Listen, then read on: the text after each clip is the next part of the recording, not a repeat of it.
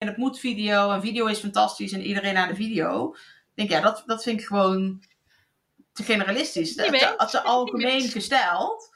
Ja. En zo werkt het niet. En die nuance wil ik gewoon heel graag aanbrengen. Hoi, ik ben Chantal Smink, specialist in SEO en organische marketing. In tijden waarin iedereen content kan maken, wordt het steeds belangrijker om jezelf te onderscheiden en te laten zien.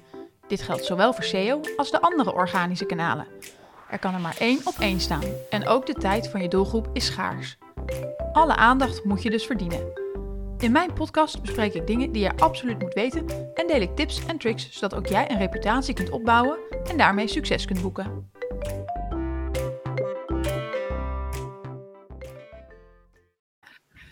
Hey, hallo en wat leuk dat je kijkt of luistert naar een nieuwe podcast. Vandaag heb ik alweer iemand te gast. Ik heb zoveel leuke mensen om me heen waarvan ik denk, jij moet eens in mijn podcast komen. En zodoende heb ik vandaag Charlotte Meindersma. Die volg ik al een tijdje op Insta, op LinkedIn en eigenlijk een heleboel andere plekken. En eh, regelmatig hebben we contact over wat we zien gebeuren. Kunnen we lekker eh, zeiken over AI. Dus ik zei, wil jij bij mij in de aflevering komen om lekker te zeiken over alles wat we zien gebeuren? Ik hoop dat het een hele leuke uitzending eh, wordt. Welkom, Charlotte. Dankjewel. Wil Maar we zouden ook een beetje zeiken over video, toch? Ja, dat wilden we ook gaan doen, ja. Want jij Ja. was daar wat kritischer over dan ik. Dus ik ben ook heel benieuwd wat jij daarvan eh, van vindt. Ehm, maar ik wil vooral eh, ja, een hele eerlijke podcast maken voor de, de zelfstandige die ook luistert en denkt: eh, wat kan ik van die twee, eh, van die twee dames leren? Dus eh, Precies. stel jezelf even voor. Wie, wie ben jij? Ehm, nou, ik ben dus Charlotte. Ik heb een eigen juridisch advieskantoor, Charlotte's Law and Fine Prints, of afgekort gewoon Charlotte's Law. Dus als je me ergens op de socials zoekt, dan eh, zoek op Charlotte's Law en je vindt mij. Ehm, als we het dan over eh, SEO hebben, dan zijn daar ook wel eens Amerikanen die mij eh, die denken dat ik eh, law school in Charlotte ben. Ehm, dus, Oh, nou ja. goed, daar, daar gaat het dan nog wel eens even mis. Gebeurt niet zo heel vaak hoor, maar zo af en toe dan wil er wel eens iemand iets aan me verkopen of zo. En dan, eh, ehm, dus ik denk, ja, alles is toch een beetje medewedstrijd in het Nederlands. Waar gaat dit mis? Ja, heel bijzonder. Eh, ik ben vooral gespecialiseerd in, nou ja, eigenlijk ook alles wat een beetje samenkomt bij marketing. Dus eh, auteursrecht, merken, reclamerecht, eh, vrijheid van meningsuiting, een beetje dat soort dingen. Ehm, eh, en in elk geval is dat waar ik, nou ja, op focus op het moment dat ik met klanten aan het werk ben. Ehm, dus dat is eigenlijk wat ik doe. Dat is denk ik het belangrijkste. Ja, ja. En ik maak dus ook video's. Dus dat was een van de onderwerpen waar we, waar we op uitkwamen. En AI is natuurlijk eh, ja, met auteursrecht en privacy en zo een eh, hot topic op het moment. Ja, absoluut, absoluut. Nou, er gebeurt sowieso echt een, een hoop. Wat ik leuk vind aan jou is dat jij eigenlijk geen marketeer bent, maar wel je eigen marketing doet. En daarmee eigenlijk ook snapt hoe het werkt. Weet je, ik denk dat jij eh, meer van marketing weet dan misschien wel heel veel marketeers. Ehm, en dat vind ik wel grappig. ik, heb, ik heb er natuurlijk wel genoeg boeken. Ja, precies. Ja, Ja. nee, ja, voor, voor een jurist is het, is, het, is het tamelijk bijzonder, inderdaad. Ja. Ehm, voor mijn klanten is het dus over het algemeen juist heel fijn, omdat ze, weet je, net als, als het gaat over ICT-contracten, ja, ik, ik, ben niet zelf een programmeur, maar ik kan wel wat dingetjes lezen en begrijpen. Ehm, dus binnen de marketing is dat gewoon ook voor heel veel mensen fijn. Van, oh, weet je, ik kan gewoon iets tegen je zeggen en dan snap je waar het over gaat. Ehm, dus dat werkt voor mij ook heel fijn. Ik vind het heel leuk omdat je dan ook een beetje op die inhoud kunt nerden en niet alleen op de juridische inhoud. En Ja. voor mijn klanten is het heel fijn omdat het dan gewoon is van, oh ja, ik kan gewoon praten zoals ik normaal praat. En eh, nou ja, Nou, dan, begrijpt de jurist het ook. Jij bent eigenlijk een hele vreemde eend in de bijt. Want de meeste juristen, Ja. die zijn een beetje saai en bedachtzaam. die, die denken heel erg na wat ze zeggen. En ik heb het idee dat bij jou, dat jij veel eh, intuïtiever bent. En ook niet bang bent om iets te zeggen. Terwijl de meeste Ja. juridische afdelingen, daar loop ik altijd met een grote boog omheen. Ja, ik denk, ik denk Oh, niet zozeer dat ik intuïtiever, ik denk niet zozeer dat ik intuïtiever ben, maar ik denk gewoon heel snel. Dus Ja, dat, dat je is gewoon heel snel, oké, zeg dit, hop dat. Ja, nou dat heb ik wel een beetje moeten leren hoor. Want ehm, ik, ik ben bijvoorbeeld wel vrij snel, eh, toen ik mijn bedrijf begon, oké, ik heb geen geld. Dus hoe ga ik zorgen dat ik klanten krijg? Ja. En eh, mijn schoonvader eh, is wel eh, van opleiding marketeer. En die had gezegd, oh joh, weet je, anders dan begin je met het boek Guerrilla Marketing van Jay Levinson. Die man is inmiddels al, weet ik veel, tien jaar dood of zo. Ehm, en, maar weet je, toch een Amerikaans boek. Dus hoe verkoop je dan dingen? Nou, natuurlijk, hè, met, met, met producten en services gaat het dan ook over dingen weggeven. Um, als je kennisproduct hebt, nou, dan ga je gewoon zorgen dat je spreekt in de lokale buurthuis, dat soort dingen. Dat, zijn van die dingen die in Amerika heel normaal zijn. En dat je op die manier ook echt over je via opdrachten kunt krijgen. Maar ja, we hebben in Nederland niet op die manier een, een buurthuis waarin ik dan relevante mensen tegen zou komen. Um, dus dacht ik, ja, hoe kan ik nou toch een beetje het equivalent daarvan vinden en gebruiken en inzetten? En dat werd bloggen. Dan kan ik toch het kennis weggeven, uh, zonder dat ik zeg maar een stukje advies weg moet geven. Dan zeg ik, oh haha, meer ga ik je niet vertellen, koop de rest maar. Maar ja, een blog is altijd wel heel algemeen. Nou, als je daarmee verder kunt, top. Heb je een specifiekere vraag, ja goed, dan moet je daar maar voor betalen. Dus een soort van, ja, wat, wat je bij mij in een blog vindt, zou je in theorie natuurlijk ook ergens in een of ander juridisch zwaar boek terug kunnen vinden. Um, maar nou, als je dus zegt, ja, hoe, hoe, pas ik dat nou toe op mijn situatie? Nou ja, dan kun je me ervoor betalen. Maar in het begin vond ik het heel eng om daar iets van een mening in te verwerken. Dus dat waren ook vrij korte blogjes met, nou ja, weet je, nauwelijks een, een inleiding en een conclusie en zo. Uh, omdat ik dacht, ja, als ik een mening verkondig, dan gaan mensen heel erg zeggen, ja, maar mijn situatie is dan hetzelfde als die ene situatie die jij daar zo besproken hebt. Dus ik, ik, zag allemaal soort van horror scenario's voor hoe dat allemaal fout kon gaan. Met aansprakelijkheid en zo. Ja. Dus, ik, dus ik heb dat wel echt in, in de afgelopen, nou ja, het is inmiddels bijna twaalf jaar uh, uh, wel geleerd. Omdat, uh, meer dan twaalf en een half jaar, om dat anders te doen. En, en wel wat meer mening daarin. En ja, juist even zorgen dat ik opval. En ja, daar verlies ik dus ook mensen mee. Er zijn een hoop mensen die natuurlijk afhaken. Ja. Maar daardoor heb ik wel een mooi filter. Dat ik eigenlijk alleen nog maar leuke klanten overhoud. Die dus prima vinden om met mij te communiceren. Op een manier waarop ik ook prettig communiceer. Dus de klant is wel eerder een match daardoor. Ja, ik denk dat dit voor heel veel ondernemers belangrijk is. Dat zeker als je begint, dat heb ik ook gehad. Dan wil je eigenlijk iedereen te vriend houden. En je wil iedereen helpen. En je zit overal, alles wil je aannemen. En hoe langer je bezig bent, hoe meer je er eigenlijk achter komt van, joh, van sommige dingen krijg ik gewoon geen energie. En als je je eigen communicatie daarop af gaat stemmen, trek je vaak ook de mensen aan die jou wel leuk vinden. Dus uh, ik denk dat dat wel een leuke, een leuke tip is voor, de, voor uh, de luisteraars die denken: Oeh, moet ik dat nou wel doen? Ja, dat moet je zeker doen. En wat ik ook wel leuk vind, is um, wat jij zegt: hè, heel veel kennis kan je overal vinden. Ik heb ooit een uh, advocatenkantoor in Maastricht gehad. Dat was een redelijk grote, grote club. En die heb ik SEO-training mhm. gegeven. Die heb ik ook geleerd met joh, bloggen en schrijven. En die hadden zoiets van, ja, maar dat ga ik allemaal niet doen. Want dan hebben ze mij niet meer nodig. En dan bellen ze me niet meer. En ja, maar als jij in één blog vervangbaar bent, hoe waardevol is je dienstverlening dan? Maar serieus, hè? In de eerste twee of drie jaar dat ik aan het bloggen ben geweest, heb ik dus zo af en toe boze mailtjes gehad van advocaten. Die dus precies dit verwijt maakten. Ja, ja. ah, maar uh, nu pak je klanten af en zo, weet je. Maar als iemand toch al geholpen is met deze 500 woorden, 1000 woorden, whatever, dan was dus dat probleem zo simpel. Ja, dan, daar, wat had je die mensen dan moeten rekenen? Wat voor advies had je dan moeten geven? Maar dat is ook wel aardig wat jij zo in het begin zei. Van, ja, heel veel advocaten zijn allemaal een beetje saai en bedachtzaam. En dat is al, hè, ik heb bijvoorbeeld mijn adviesdienst, noem ik oploskoffie. Dat is in principe eh, een uur. En ik kan mensen ook best wel wel in dat uur helpen. Maar ik, ik vind het heel lastig soms in onderhandelingen dat dan de wederpartij wel zo langzaam is. En dan denk ik, of moet jij duur zijn voor je klant? Als je altijd op deze manier eerst heel lang aan het nadenken bent voordat je een reactie geeft. Ja, nee, nou, maar. En ik zeg een half uur verder. Dan zijn we precies op datzelfde punt als waar we een half uur geleden ook waren. Ja. Eh, dus dat, voor mij is het heel normaal dat ik zo snel ben. Maar dat is inderdaad in de branche niet gebruikelijk. Maar ook dat is dan weer iets ja. ja, weet je, voor mijn klanten is dan weer heel fijn. Want die zijn dan bij mij wel in een uur klaar. Terwijl ze bij een ander een dossier moeten openen. En eerst een voorgesprek. En dan kan er daarna een keer wat gebeuren. En dan daarna weer. Ja. Ehm, nou, en dat is nou natuurlijk ook in online marketing waar ik vandaan kom. Ik heb acht jaar aan bureauzijde gezeten. En daar viel het nog mee bij dit kantoor. Omdat we vaste abonnementen hadden met klanten. Dus we werken één dag in de mhm. maand. Maar bij heel veel bureaus, dat zijn natuurlijk gewoon urenfabrieken. Daar moeten uren gedraaid worden. Dus dan ga je Ja. inderdaad heel vaak maar dingen doen, omdat je toch die uren moet maken. Ja. Dat is soms ook gewoon Nou, sneller. ik, denk, ik denk oprecht wel dat die advocaten gewoon zo langzaam zijn hoor. Dat ze dat dus niet eens Ja, expres doen.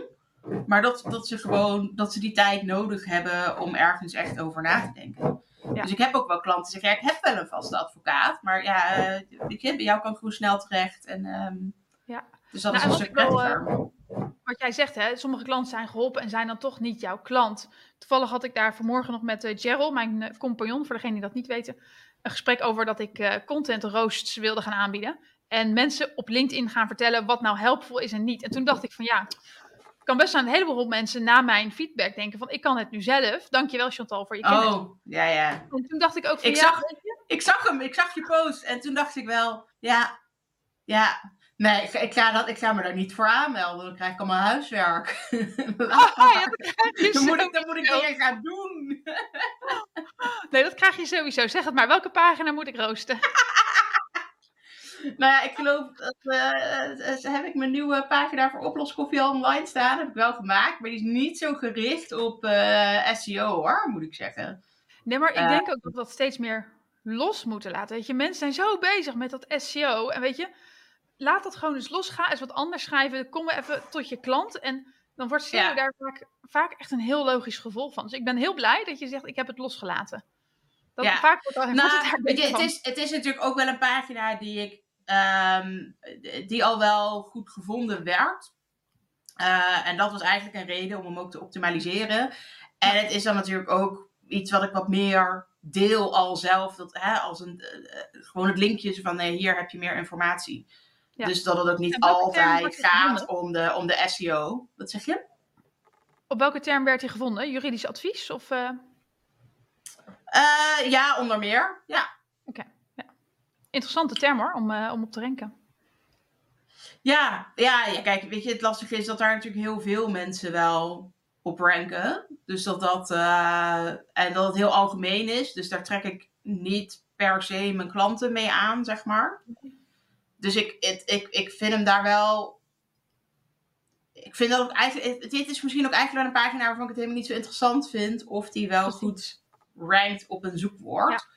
Want waar haal omdat jij het meer een soort conversiepagina is, zeg maar. Ja, precies. precies. Want hè, waar haal jij je pagina van je, je klanten vandaan? Komt dat via LinkedIn? Komt dat via je socials? Of toch via je website, doordat mensen non-branded zoeken naar juridisch Alles. advies? Alles. Het was toen ik net begon, was het echt 80% eh, was, eh, was social en via via. En eh nou, 20% was omdat ik gevonden werd.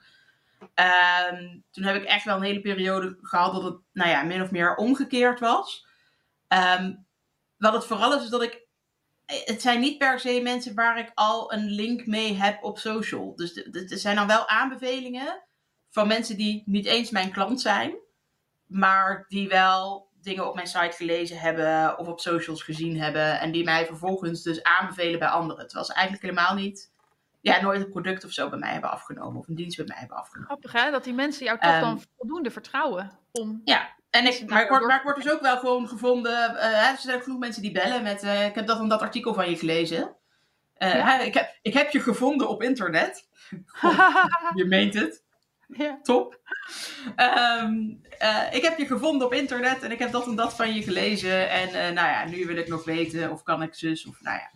Dus eh, genoeg op die manier. En media is, dat is eigenlijk allemaal SEO in die zin. Alleen, ja, dat komt natuurlijk wel een beetje omdat ik zo af en toe wat meer probeer in te haken op het nieuws. En, en daar wat over schrijf. En dat niet alle andere juristen dat durven of doen. Ehm, en, en dan kan het wel zijn dat ik dus gebeld word. Omdat het is van, oh ja, Wordt jij hebt er wel wat over geschreven. Of ik was de eerste. Of, eh, en dan helpt dat gewoon heel goed. ja, want volgens mij ben jij ook wel eens op tv geweest, als ik me niet vergis. Zeker. Ja, hè? Ja, Ja, ja, regelmatig. Ja, met, met Ja, Kassa, Editie NL, eh, RTL Nieuws, of RTL Z dan eigenlijk meer. Eh, Maar ook wel NOS Journaal. ehm. Ja, dat vind ik echt heel erg gaaf. En dan ga ik nu meteen voor mezelf en alle luisteraars een vraag stellen. Hoe moeilijk was het om daar te komen? Gaat dat dan echt doordat je als eerste ergens was met, Ja. je mening, je visie? Of heb jij een netwerk Ik- waar dat uitkomt? nee, nee. kende helemaal niemand. Dus dat is echt puur door uh, het bloggen over bepaalde onderwerpen en daar uh, de eerste mee zijn over het algemeen. Of dus inderdaad tegenwoordig uh, een, een goede, goede invalshoek hebben. Ja. En dat dat vooral goed werkt. En met invalshoek, hè? Wat ehm, bedoel je daarmee dat iets, iets anders zegt dan de rest? Kijk, we hebben, we hebben nog iemand in de podcast. Ja, Tommy, Tommy is er ook. Hè, Tom? Waar ga je spelen? Nee, ik, ik, ik, ik, heb dan wel, ik heb hier ook allemaal hondenspeeltjes die parodieën zijn waar ik dan weer video's over maak. Dus daarom oh, moet ja, graag mee, mee, helpen werken. Alleen, ja. Uh, nou ja, hij was rustig, maar er is ook een kat aan de deur aan het krabben. Dus daar ben oh, ik ook een beetje tegen. Um, sorry, wat, wat, wat zei je daarvoor? Zei, je, ik, uh, ik heb een andere invalshoek en toen was ik heel benieuwd, oh, ja. um, wat, uh, wat bedoel je daarmee? Nou ja, eigenlijk is dat een beetje, uh, is dat meer dat ik, dat ik wat meer mijn mening ergens over uit. En wel echt zeg, hé, hey, maar het is dit of het is zus. Of uh, wat, wat minder het hele brave analytische ben, maar daar soms gewoon wat woorden bij gebruik die het juridisch allemaal niet anders maken. Maar ja, gewoon wel zorgen voor een ander idee erbij. En nou ja, om bijvoorbeeld te hebben over, over de krompoes. Um, je, ik had mensen die mij in een DM tipten. Omdat het meisje dat Compoes als merk had geregistreerd, daar een post over had geplaatst op Instagram. Ja, en toen ben ik even als een malle daar, weet je wel, snel video's, dingetjes over gaan maken. Um, eerst een short, later een langere video. Uh, ook een beetje van, oké, wat kan snel online en, en hoe kan ik later wat meer dingen uitleggen. Uh, maar dan, ja, ik zorg ook wel dat voor zo'n video, dan ga ik dus even een kompoes kopen. Of althans een met uh, banketbakkers room gevulde croissant met een roze laagje. Ja, een kompoes mag niet meer. Nou ja, het mag dus wel, maar eigenlijk alleen maar voor dat ding waar zij, uh, of hè, wij mogen dat zeggen, want wij gebruiken het nu niet als merk. Maar je mag het niet als kompoes verkopen, tenzij je bij haar een licentie hebt. Nou, en daar zitten inderdaad eventueel nog wat haken en ogen aan met aan hoe goed is nou dat merk en hoe zit dat dan in elkaar. Dus ik probeer het ook zo makkelijk mogelijk uit te leggen. En bijvoorbeeld ook heel duidelijk te maken, nee, maar het gaat alleen maar over de naam en het gaat niet over het product. Precies. Er waren heel veel bakkers die dat bijvoorbeeld door elkaar haalden. Ja, ik was er ook erg bang voor. Van, maar toen dacht ik ook, wat heeft het dan voor zin om je naam te licentiëren? Want dan pak ik gewoon het product en dan noem ik het niet meer Pietje, maar dan noem ik het Klaasje. Ja, en dat kan dus ook gewoon. En ze heeft het ook geprobeerd om het als model te registreren. Maar dat gaat over vormgeving. Ja, ja, dan gaat het nu over het roze laagje. Maar je kent natuurlijk dit soort croissants al met een chocoladelaagje, maar dan bruin. Dus dat, maar kan je dan niet een recept licenseren? Als ik toch een. een, een Tuurlijk, dat Coca-Cola heeft een geheim recept. Ja, ja precies. ja, tuurlijk. Dus als het een geheim recept is en je weet het geheim te houden, dan kun je met een geheimhoudingsovereenkomst, zeg maar, in combinatie met een licentie, kun je dat zo doen. Um, het enige is, is altijd meer zorg dat je het geheim houdt, want dat is de enige manier om het goed te beschermen. Ja, uh, dat is inderdaad nog wel een opdracht. Dat, uh, dat, uh, maar goed, met die krompoes ben je dus volgens mij inderdaad in het nieuws geweest. Heb ik je ook voorbij zien komen op, op tv. En um, ik denk dat het inderdaad wel een leuk is, want jij zegt dat komt doordat ik mijn mening laat horen. Doordat ik zeg hoe ik over iets denk, doordat ik er bovenop duik. Wat mij opvalt, is dat heel veel mensen dat dus heel eng vinden. Die mening. Ja. Die maar dat is het ook. Waarde. Nee, dat is het helemaal niet. Nou ja, nee, nou, maar ik snap best dat mensen het eng vinden. Want je krijgt daar best wel gezeik van. Er zijn best mensen die daar vervolgens, weet je, vervelende reacties op kunnen geven.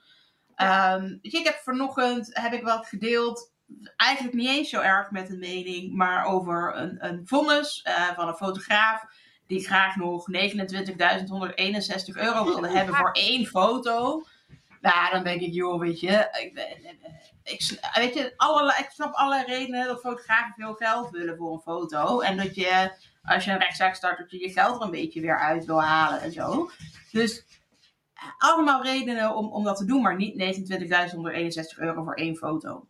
Maar eh, die had een, een incassobureau ingeschakeld en dan mag je maar tot 25.000 procederen. En het ging toevallig over foto's die gemaakt zijn voor de GVB en waar een reclamebureau tussen heeft gezeten. Um, waarbij ik nu zelf trouwens alweer de naam vergeten ben. Maar ik had ook de GVB genoemd en de naam van dat reclamebureau. En dan reageert er echt iemand, oh het is naming en shaming. En je kunt ook jezelf profileren zonder dat te zeggen. Dus ik denk, oh, oké, weet je, voor mij was het niet eens een post om mezelf te profileren. Maar was het om even duidelijk te maken voor jongens, dit is nou echt een probleem wat voorkomen had kunnen worden. Wat ik heel vaak al in, de, in algemene zin vertel. Ja. Maar, maar wat ik dan denk, ik ben een roepende in de woestijn. Dus hier hebben we weer even lekker een concreet voorbeeld. Ehm, en ik heb één keer de naam van dat reclamebureau genoemd. Ook niet in de kop of zo, maar ergens halverwege. Van hé, hey, weet je, en zo is het gegaan. Want het reclamebureau had fotograaf ingehuurd en GVB en nou ja, zo. En er zijn ook echt wel, weet je, dat reclamebureau verder wel een grote jongen als ik naar die website kijk. En dan, denk ik, en dan is het naming en shaming. Jezus, jongens.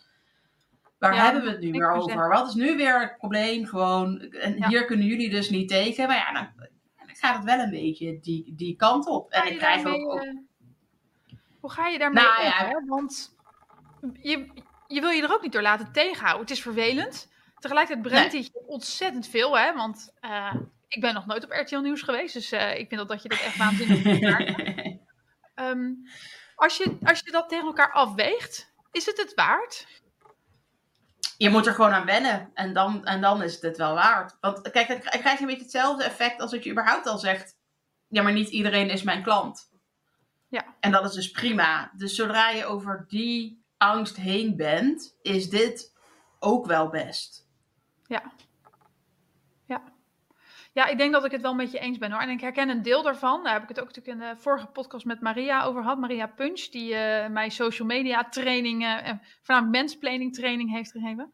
Dat je er inderdaad mee moet leren omgaan. Dat zodra je je uitspreekt, er reacties bij komen. Ik kom een Ja. beetje voel op het punt van AI. Hè? Want wat ik grappig vind is dat ehm, heel veel mensen gebruiken AI om content te maken. En wat Hmm. AI nou juist niet doet, vind ik, is, of juist wel doet alleen maar, is die feitjes spuien. Hè? Dus AI kan je zo vertellen wat er in eh artikel Huppel Pub staat. Maar Ja, en dan, en dan hoop je dat dat klopt. dan hoop je dat het klopt. Maar AI kan dat niet persoonlijk maken. Die kan daar geen gevoel aan meegeven, geen voorbeeld Nee. maken, geen casus, geen meningen. Dus ik zeg ook steeds vaak tegen mensen van, joh, het, de feitjes doen er niet meer toe. Het gaat erom hoe jij het toepast, om het verschil te maken ten opzichte van iedereen die AI gebruikt. En ik vind dat heel erg leuk, om dat in jouw content te zien. Jouw content is niet vervangbaar door iets wat AI uitpoept. Nee. Nee, maar dat, dat komt ook wel, weet je, ik, ik, ik heb toen ook eens een keer iemand op LinkedIn die zei, ja, ik denk dat jij echt nog eh, veel sneller content kunt maken. Ik zei, oh ja? Oh, nou, goh, altijd interessant. Ja, dan moet je dit doen en dan moet je dat. Ik zei, joh, maar dat klinkt als werk. Daar moet ik echt veel meer voor doen. En zei, maar hoe lang ben je dan nu bezig met een post? Ik zei, nou, weet ik veel, 10 minuten? Ik Ja, tik precies. het en ik hit op publish. En ja, als er een tikfout in zit, ja, jammer dan. En eh, eh, dan eh, hoop ik dat iemand zo vriendelijk is om dat in een DM te melden. En, en, en dan verander ik dat. En juist door die snelheid en door dus niet al die vaste straminen en zo te gebruiken, wordt het dus heel eigen. Terwijl als je natuurlijk generative AI gebruikt, ja, die gaat wat meer in van die vaste stramientjes dingen doen. En, Ja. en, en dat, dat, ja, er zit toch, hè, ook als je zegt, doe het in de stijl van Hupselse Fluts, het is toch altijd een beetje anders. Het is allemaal net niet lekker. Ehm, eh, inderdaad, ja, in feite kan het alleen maar dingen kopiëren Ja. en, en, en beredeneren, ehm, her- uitrekenen, maar ja, niet echt, niet echt zelf iets verzinnen. Want ja, het is nou eenmaal een computer, daar zit die creativiteit niet in. Dus ik denk dat generative AI best een hoop dingen kan vervangen. Als het gaat om kennis delen en dat soort artikelen, ja, tuurlijk, dat zal dan dus, dat, dat kun je daaruit halen. Dat zou iemand anders ook kunnen doen. Dus dat betekent dat je inderdaad een beetje weg moet blijven bij alleen maar, hey, kijk, ik heb deze kennis en die deel ik. Maar wat, wat we nu trouwens ook met z'n allen, zijn we dezelfde dingetjes, weet je, in een soort cirkeltje, alsof, alsof we maar tien onderwerpen hebben met z'n allen. En dan elke keer komt er weer zo'nzelfde soort podcast, of wat podcast, eenzelfde soort post online op eh, LinkedIn. Dat ik denk, ja, dit Hoe kennen we nu wel. Ja, Heb weet je- wel. een soort, vind jij ook dit zo vervelend aan alle LinkedIn-posts? Ja, nee, nee, super creatieve invalshoek. Echt super creatief. Ja, maar dan heeft iemand dan wel echt zelf geschreven. Dat ik denk, ja, dit kan misschien wel generative AI beter dan een mens het kan of zo. Dus weet je, het, het, lastige is gewoon dat het heel erg verschilt wat je doet. Ja, maar ik erger me op het moment best wel aan de, per post op LinkedIn. LinkedIn. Ik merk dat ik echt al bijna een week lang op ramkoers ben met, met bijna iedereen. En dat ik me ook echt moet inhouden om niet overal heel zuur onder te reageren. Omdat ik. Weet je, het is ook allemaal. Ik zie allemaal shortcuts en tricks en eh, ja. om de, En dan, zoals uh, vertel ik net over dat ik die content roost wil doen. En dan zegt iemand, nou, uh, GPT doet dat ook. Nou, echt, dan wil ik je zo bijna aan, weer aan, aan de muur nagelen. Omdat ik dan denk, denken we dan. Wil dan echt niemand meer die grijze massa in dat hoofd bezighouden. Nee. Ziet niemand creatief zijn als een puzzel, als iets leuks, als iets gezond. Zijn we zo verdomd lui? Ja. Ja. Alles door AI laten doen. Ja. Nou ja, het is ook wat ik altijd zeg als mensen zo zeggen: ah nee, maar dan kun je dit en dat. Ik zie, joh, maar wat blijft er dan over? Dan moet ik dus alsnog nadenken, wel over een fatsoenlijke prompt die ik invoer. Dus dan ben ik wel daar mijn tijd aan kwijt. Had ik ook zelf al in de inhoud kunnen stoppen. Vervolgens komt er iets uit en dat moet ik lezen en redigeren. En dat vind ik echt het kutste werk dat er is. Dus er is ook helemaal geen lol aan om het te gebruiken. Nee, dus dan denk ik, voor wie is dit handig? Ja, als je ergens eigenlijk niet zo goed in bent. Of als je eigenlijk heel langzaam bent. Nou, prima. Dus voor alle slechte en mediocre mensen is ChatGPT fantastisch. Want daarmee kunnen ze zichzelf een beetje ophemelen. Voor iedereen die misschien op zich wel goed is, maar heel langzaam. Nou, dan zorgt ChatGPT voor een hoop snelheid. En als je het dan niet erg vindt dat je moet redigeren, nou dan krijg je er misschien dus wel iets fantastisch uit. Want je was eerst misschien langzaam, maar dan nu snel. En misschien dus daardoor nog wel beter ook, omdat je meer tijd kan besteden in feite aan hetzelfde, omdat ChatGPT een deel overneemt. Of andere generative AI natuurlijk. Ja. Dus ik denk, ja, weet je, het is, het, is allemaal zo leuk, zo gezegd. Maar ja, zo'n content roast, ja, het, het, het, klopt ook niet altijd hoe zo'n computer nee. daarnaar kijkt. Nee, juist ook omdat je. Ja, nou ja, precies. Maar dat is natuurlijk, want het moet langs zo'n soort lat gelegd worden. Het moet in een rekenmodelletje passen. Dus, dus allerlei andere factoren die voor mensen heel belangrijk zijn, die kan het simpel niet goed meenemen.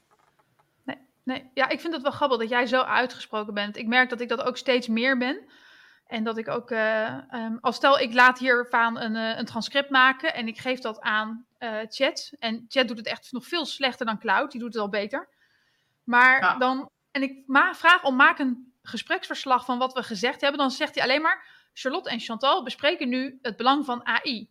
Ja, maar zeg nou ook wat we erover zeggen. En dat komt er gewoon niet uit. Het is gewoon echt op dit moment een hele vervelende rotpuber. Um, en dan denk ik, joh, ik schrijf het zelf wel. Um, Naar aanleiding van het transcript. Dat, dat... En ik, ik ben ervan overtuigd hè, dat het beter gaat worden. Alleen tegen de tijd dat het zo goed is dat we het met z'n allen willen gebruiken, zit het al lang geïntegreerd in alle andere software die we gebruiken. En hoeven we allemaal niet meer te prompten. Van alles erover te leren. Precies. Je hoeft dan helemaal niet meer zoveel te prompten. Omdat het dan alweer logisch volgt uit andere dingen die je doet. Weet je, daar vind ik het ook zo belangrijk dat we bijvoorbeeld generative AI wel loskoppelen van alle andere AI. Want AI is alleen maar machine learning, zeg maar. Dat, is, dat zit al lang in onze software. Daar, doen we al lang van alles mee. Er zit heel veel in, ja. Ja, in dus, de narrative, dat is nieuw. Dat het in staat is om iets te maken. Iets te maken, ja ja. Uh, ja. Je, dus dan denk ik ook, ja, het is prima, maar het is, weet je, Photoshop zit al lang AI in. Weet je, dat is niet.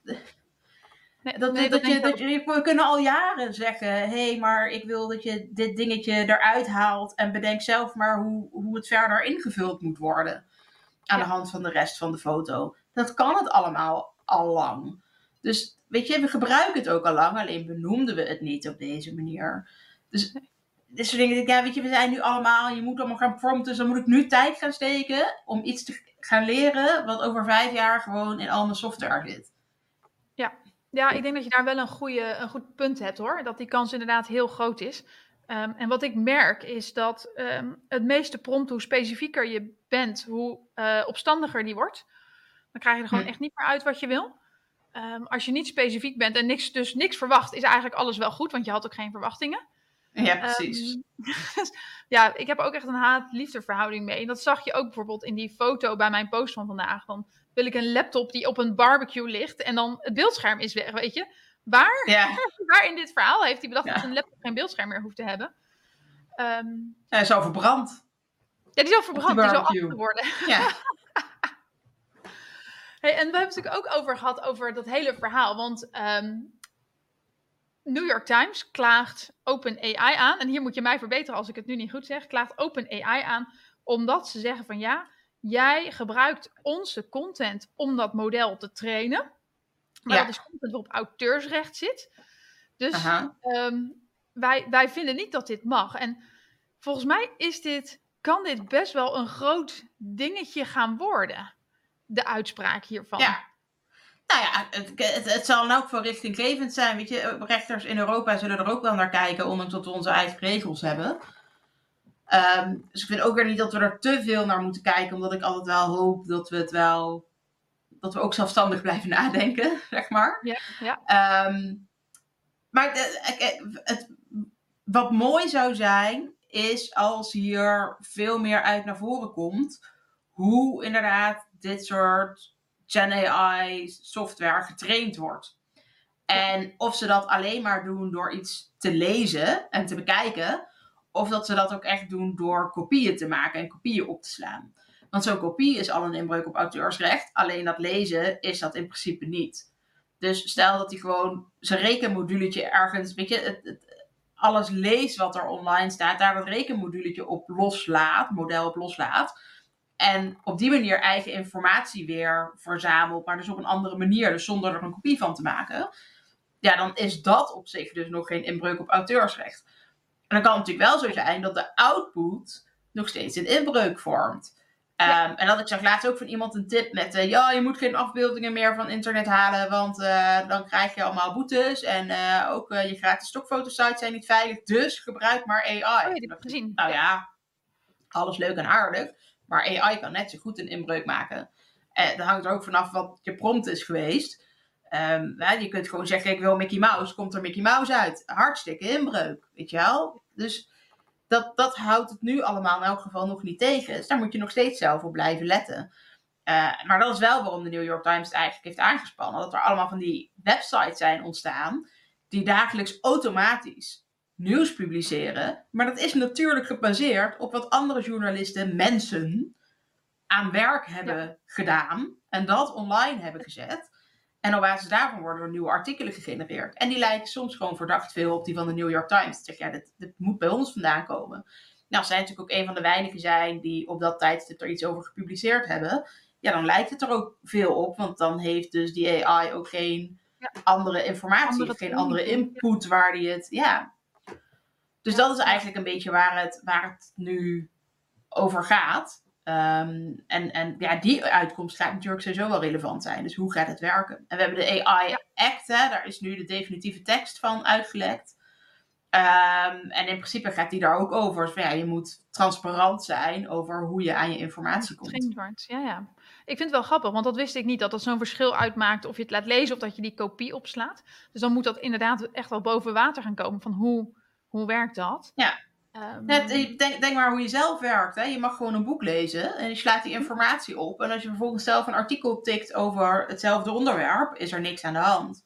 Maar op het moment dat jij dat boek onder een kopieerapparaat legt en tegen iemand Ja. zegt: Oh, hier heb je een kopietje van het boek, dan weet je nu ook hoe het zit.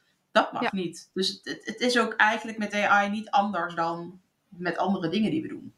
Nee, nee. Dus ik vind, maar ik vind het toch een lastige, eh, een soort van dunne, dunne scheidslijn. Van, goh, weet je, waar, eh, eh, waar ligt het hem nou? Want stel, ik ga vertellen, ik heb een boek gelezen en ik ga precies vertellen wat iemand daarin zegt. Dat is natuurlijk, lijkt mij ook inbreuk. Want ik geef iemand zijn geheimen weg. Stel voor het boek van eh, Nicole Tadema, hè, met de, zeven magische woorden. Stel dat ik Mhm. zeg van, joh, dit zijn ze.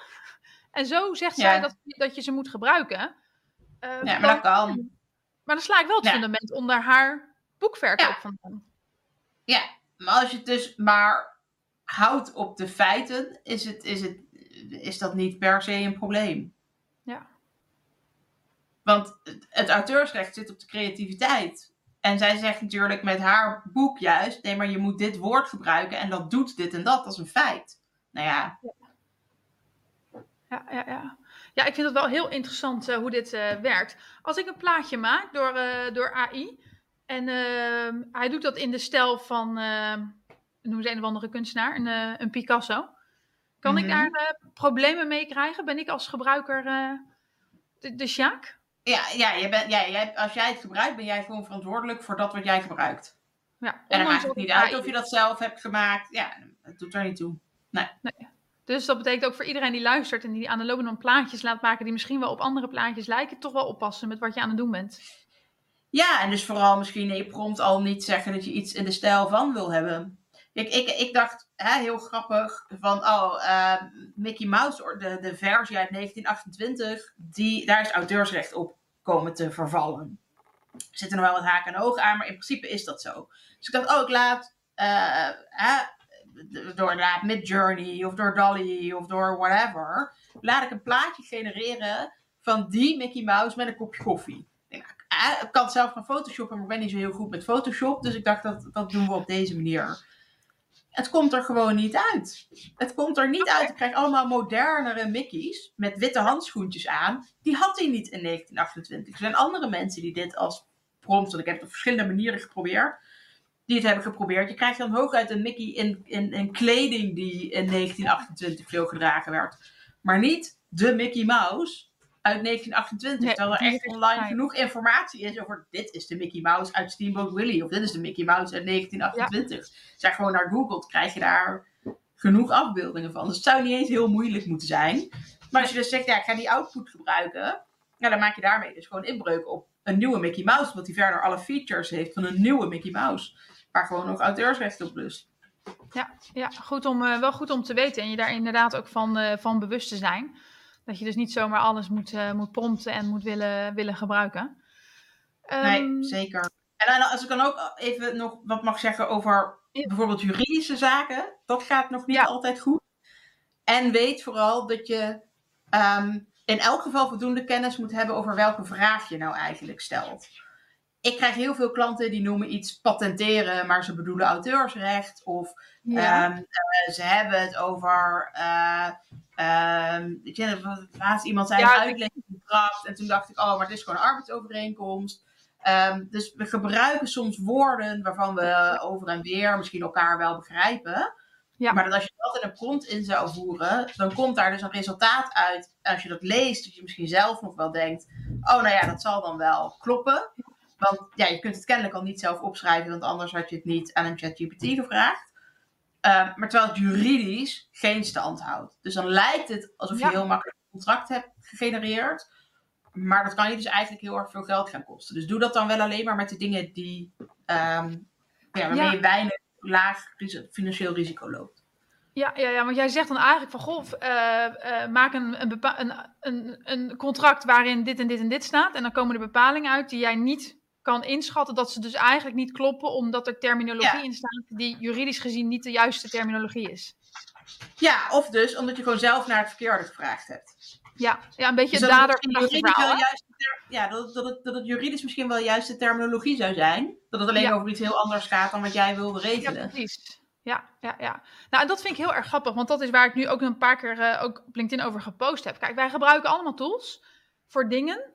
Eh, en ik zie dat ook bijvoorbeeld mensen die weinig verstand hebben van SEO een, een tool gebruiken, hè, om dus te vragen van, is deze pagina helpvol?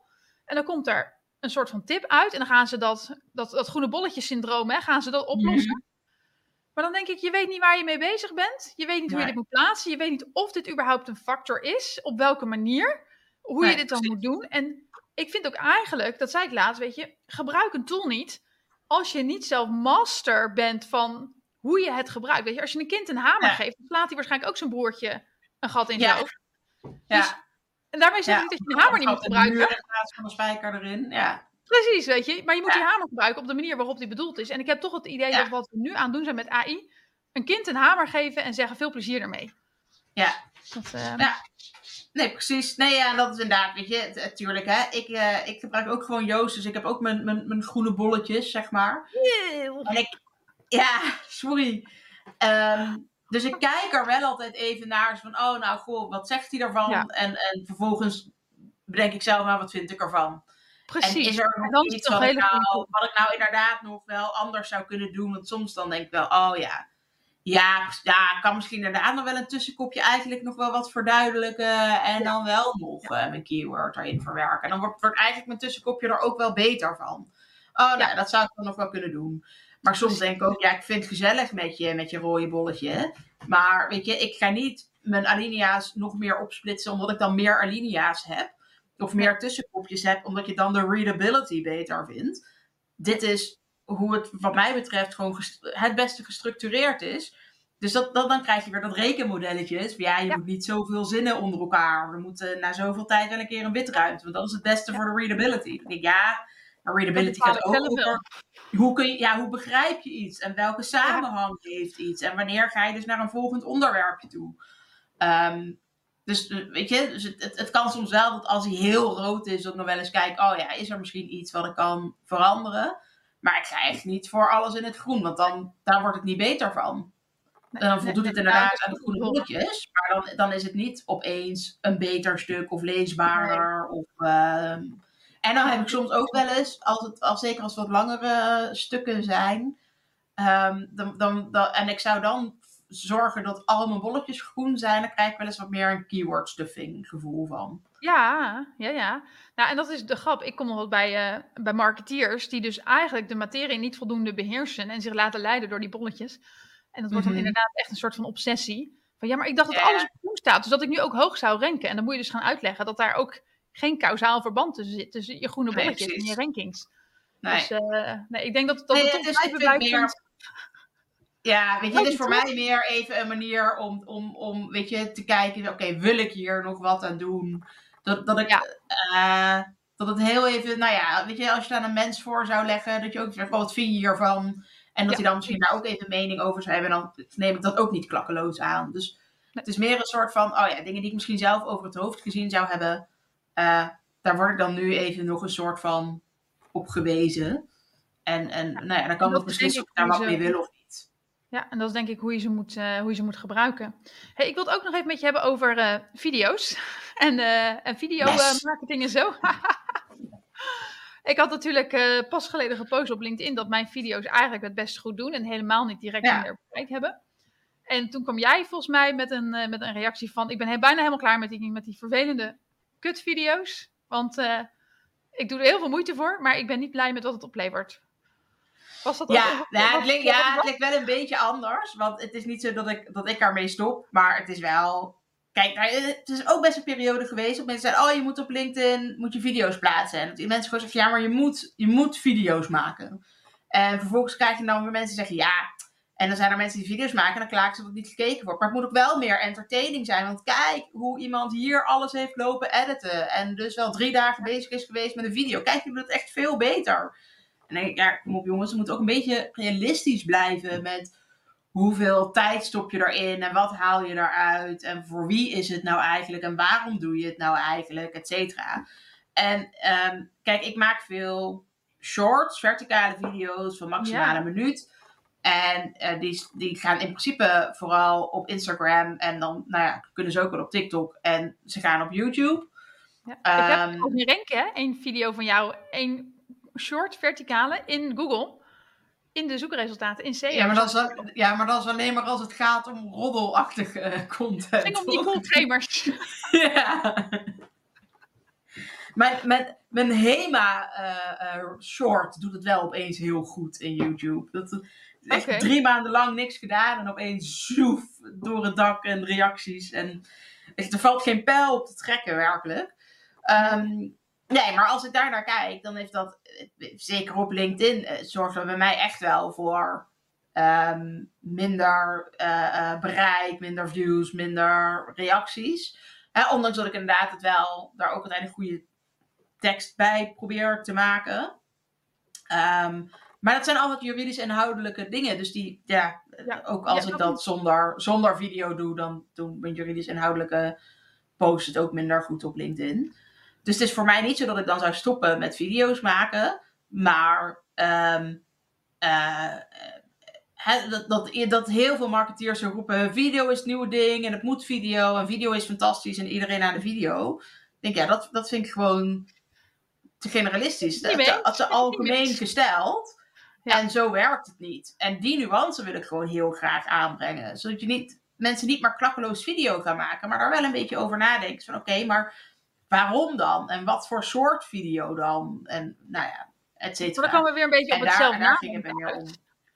Van, Ja. hè, ik vind Ja, sowieso dat we zelf moeten blijven nadenken van alle tips die je leest op LinkedIn. Weet je, ze Ja. zijn allemaal in een bepaalde context zijn ze, eh, geschreven, zijn ze gezegd vanuit iemands ervaring. En toen zei ik laatst ook, weet je, je ziet het nou toch allemaal als een soort van ingrediënten die jij in je keukenkastje hebt. Dat als je iets gaat maken, dan kan je een beetje kijken, wat doe je ermee? Maar ik Ja. heb soms wel het gevoel dat wij maar dan moet ik kattenfilmpjes maken, toch? ja, ja, het was wel een foto van mijn kat zat erbij. nou, ik heb wel het idee dat wij marketeers een soort van één standaard werkwijze willen hebben. Graag een, Ja. Excel-sheet die je kan afvinken.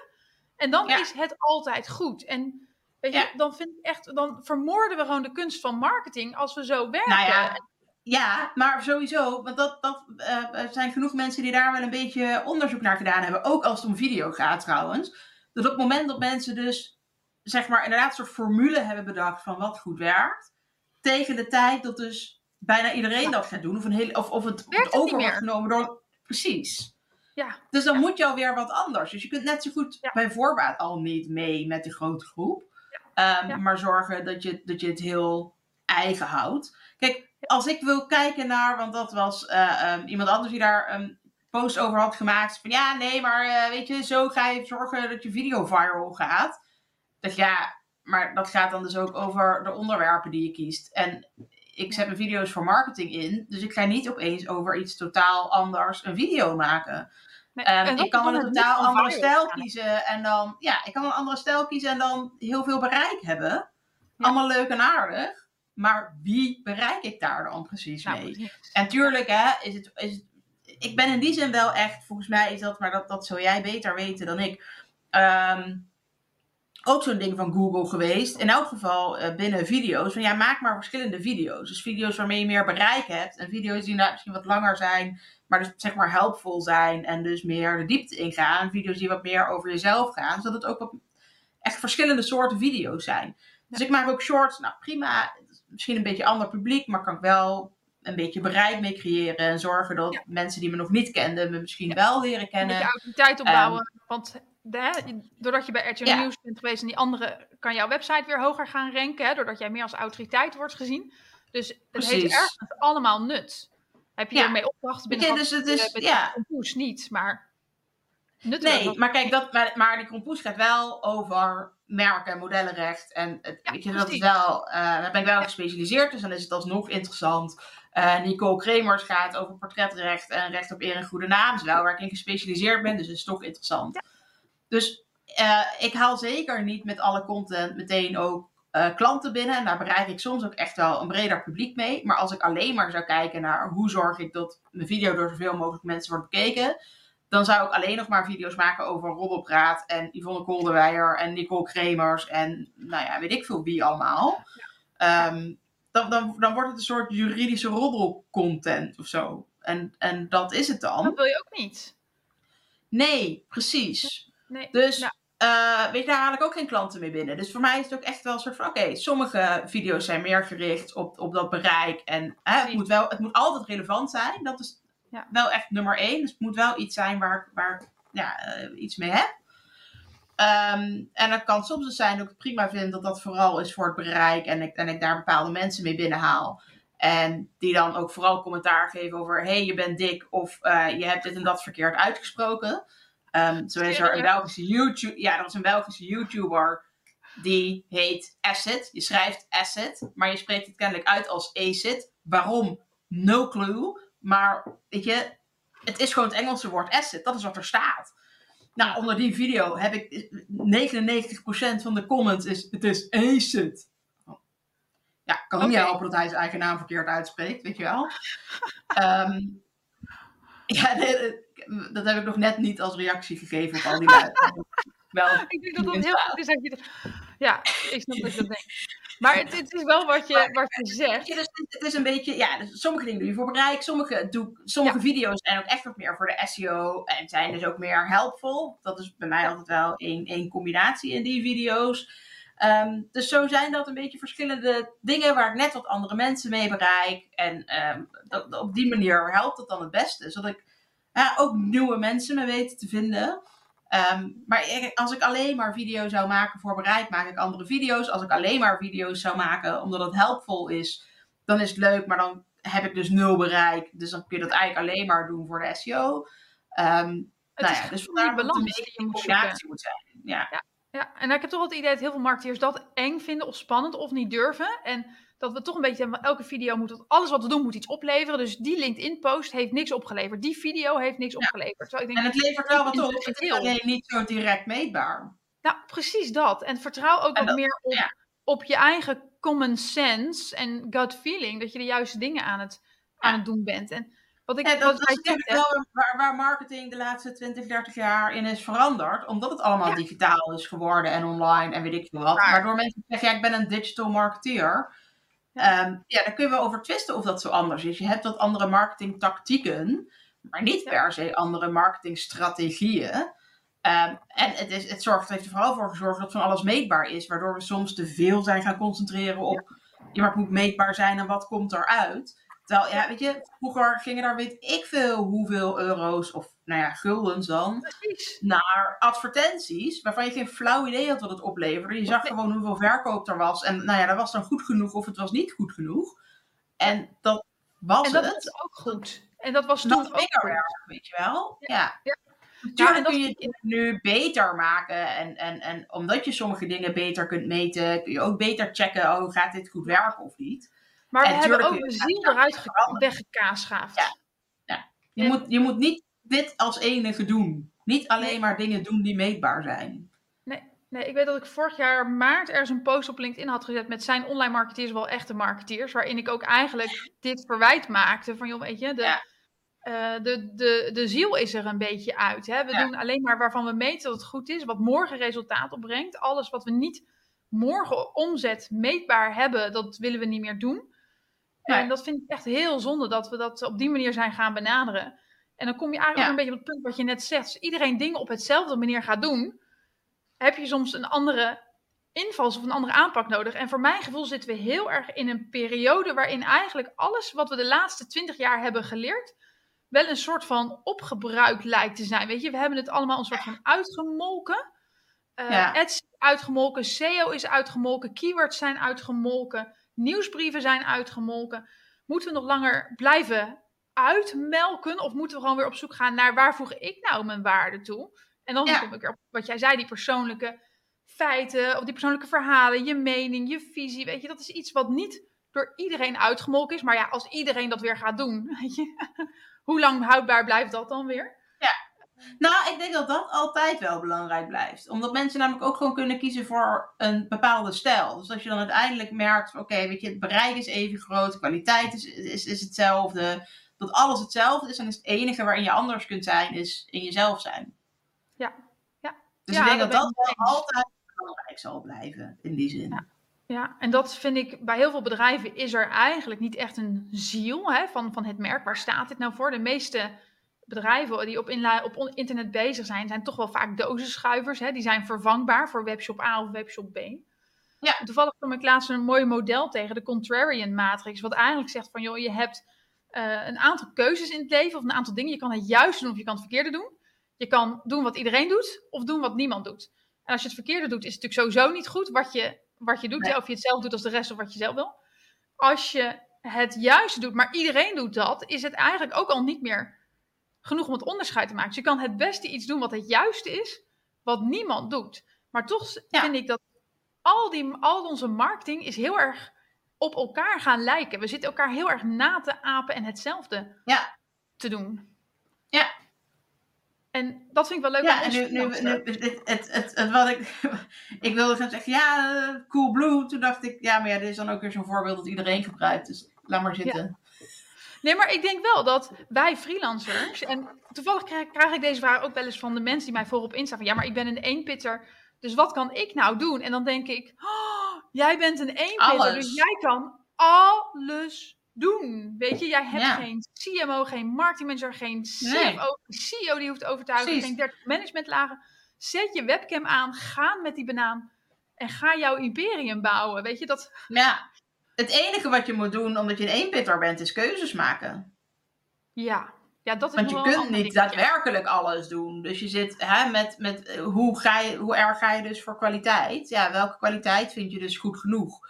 Ja. Ja, ja het kan niet perfect. Weet je, hè, nou ja, ik zeg van die lui dan zeggen, ja, maar ja, dat video's niet goed bekeken worden, de kwaliteit moet ook wel beter.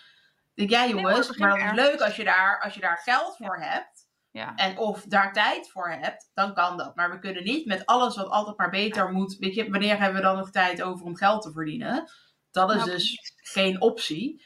Ehm, en zeker als, als je markt, nou, in video bijvoorbeeld, nog niet verzadigd is. Ja, ik weet niet hoeveel juristen jij in Nederland, hoeveel juristen jij kent die video's maken.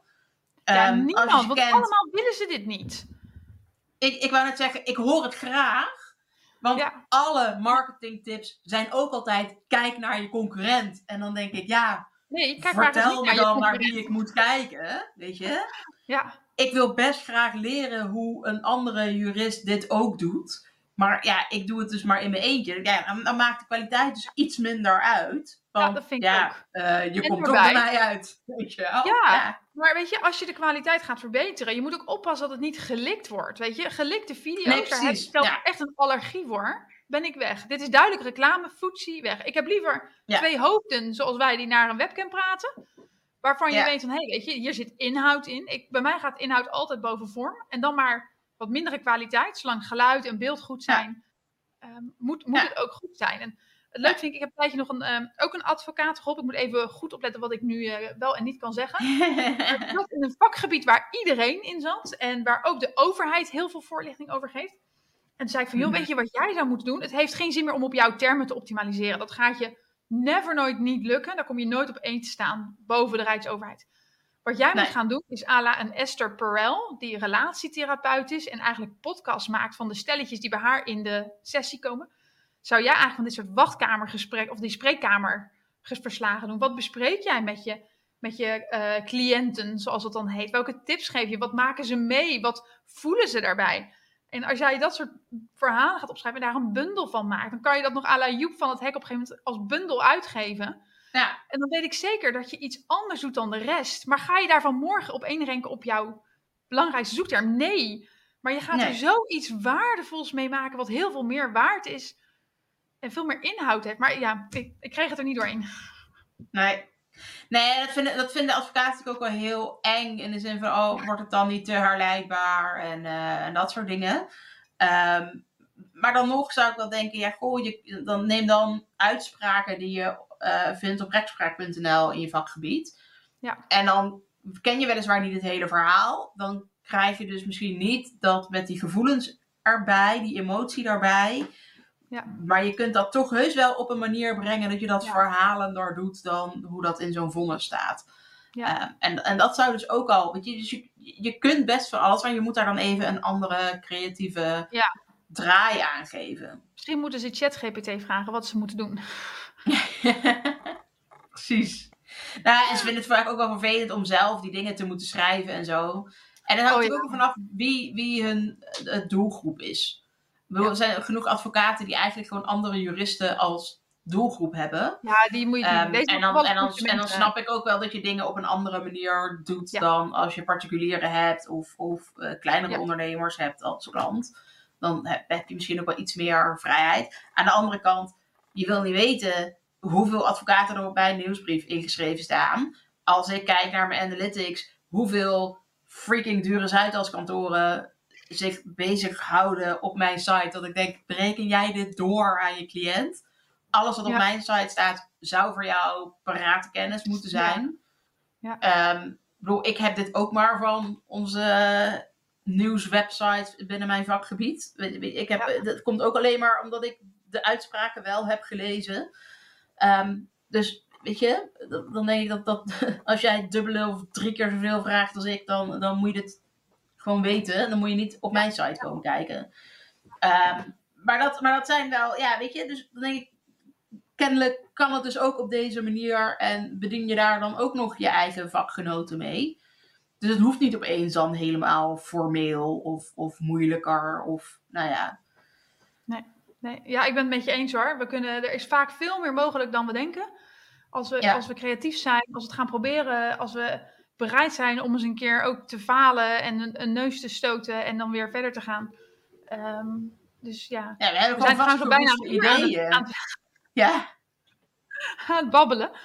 Dat, eh, maar ik, ik, vind, het, moet zeggen, ik vind het wel een onwijs leuk ehm, gesprek. Ik probeer altijd mijn podcast onder het uur te houden, zodat het dan in dat tekentje bij Spotify staat van hij duurt korter dan een uur. Maar ik vind het zo'n leuk gesprek dat ik wil hem toch gewoon gezellig afmaken. top.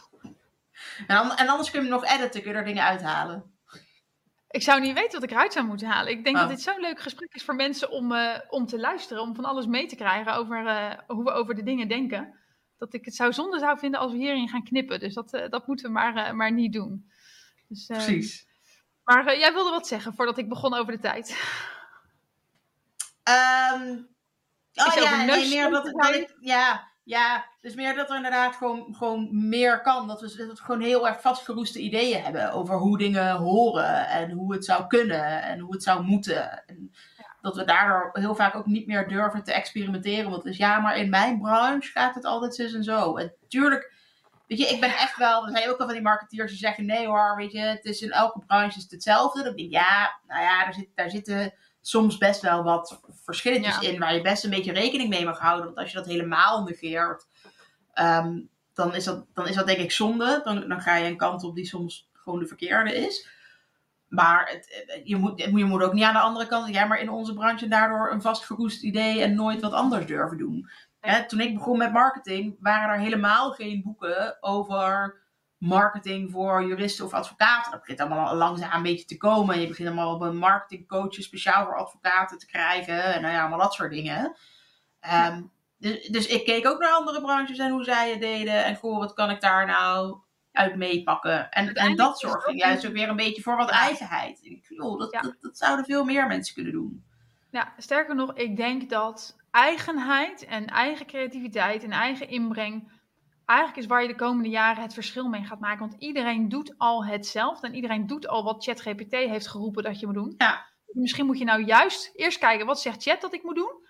En dan juist dat dus niet gaan doen, omdat je weet dat iedereen dat gaat doen. Ik denk serieus dat dat Ja. is waar je de Ja, jaren... of, of, of haal daar de dingen uit waarvan je denkt, oh ja, ik kan dan dat ene dingetje nog wel doen, want dat zou nog wel verbeteren wat ik anders zou doen. Of weet je, gebruik het om, om te brainstormen of zo. Of, ehm, Ja. Nou ja. Ja, maar ik denk dat de tijd aangebroken is om, aangebroken is om veel meer op jezelf te gaan vertrouwen, je eigen gut feeling en weer creatief te, te worden. En daar ben ik eigenlijk ook wel blij mee. Weet je, want vroeger ging het ook om creatieve reclames en cre- creatieve geesten en dat soort... Oh, Ik, ja, ik liet iets vallen.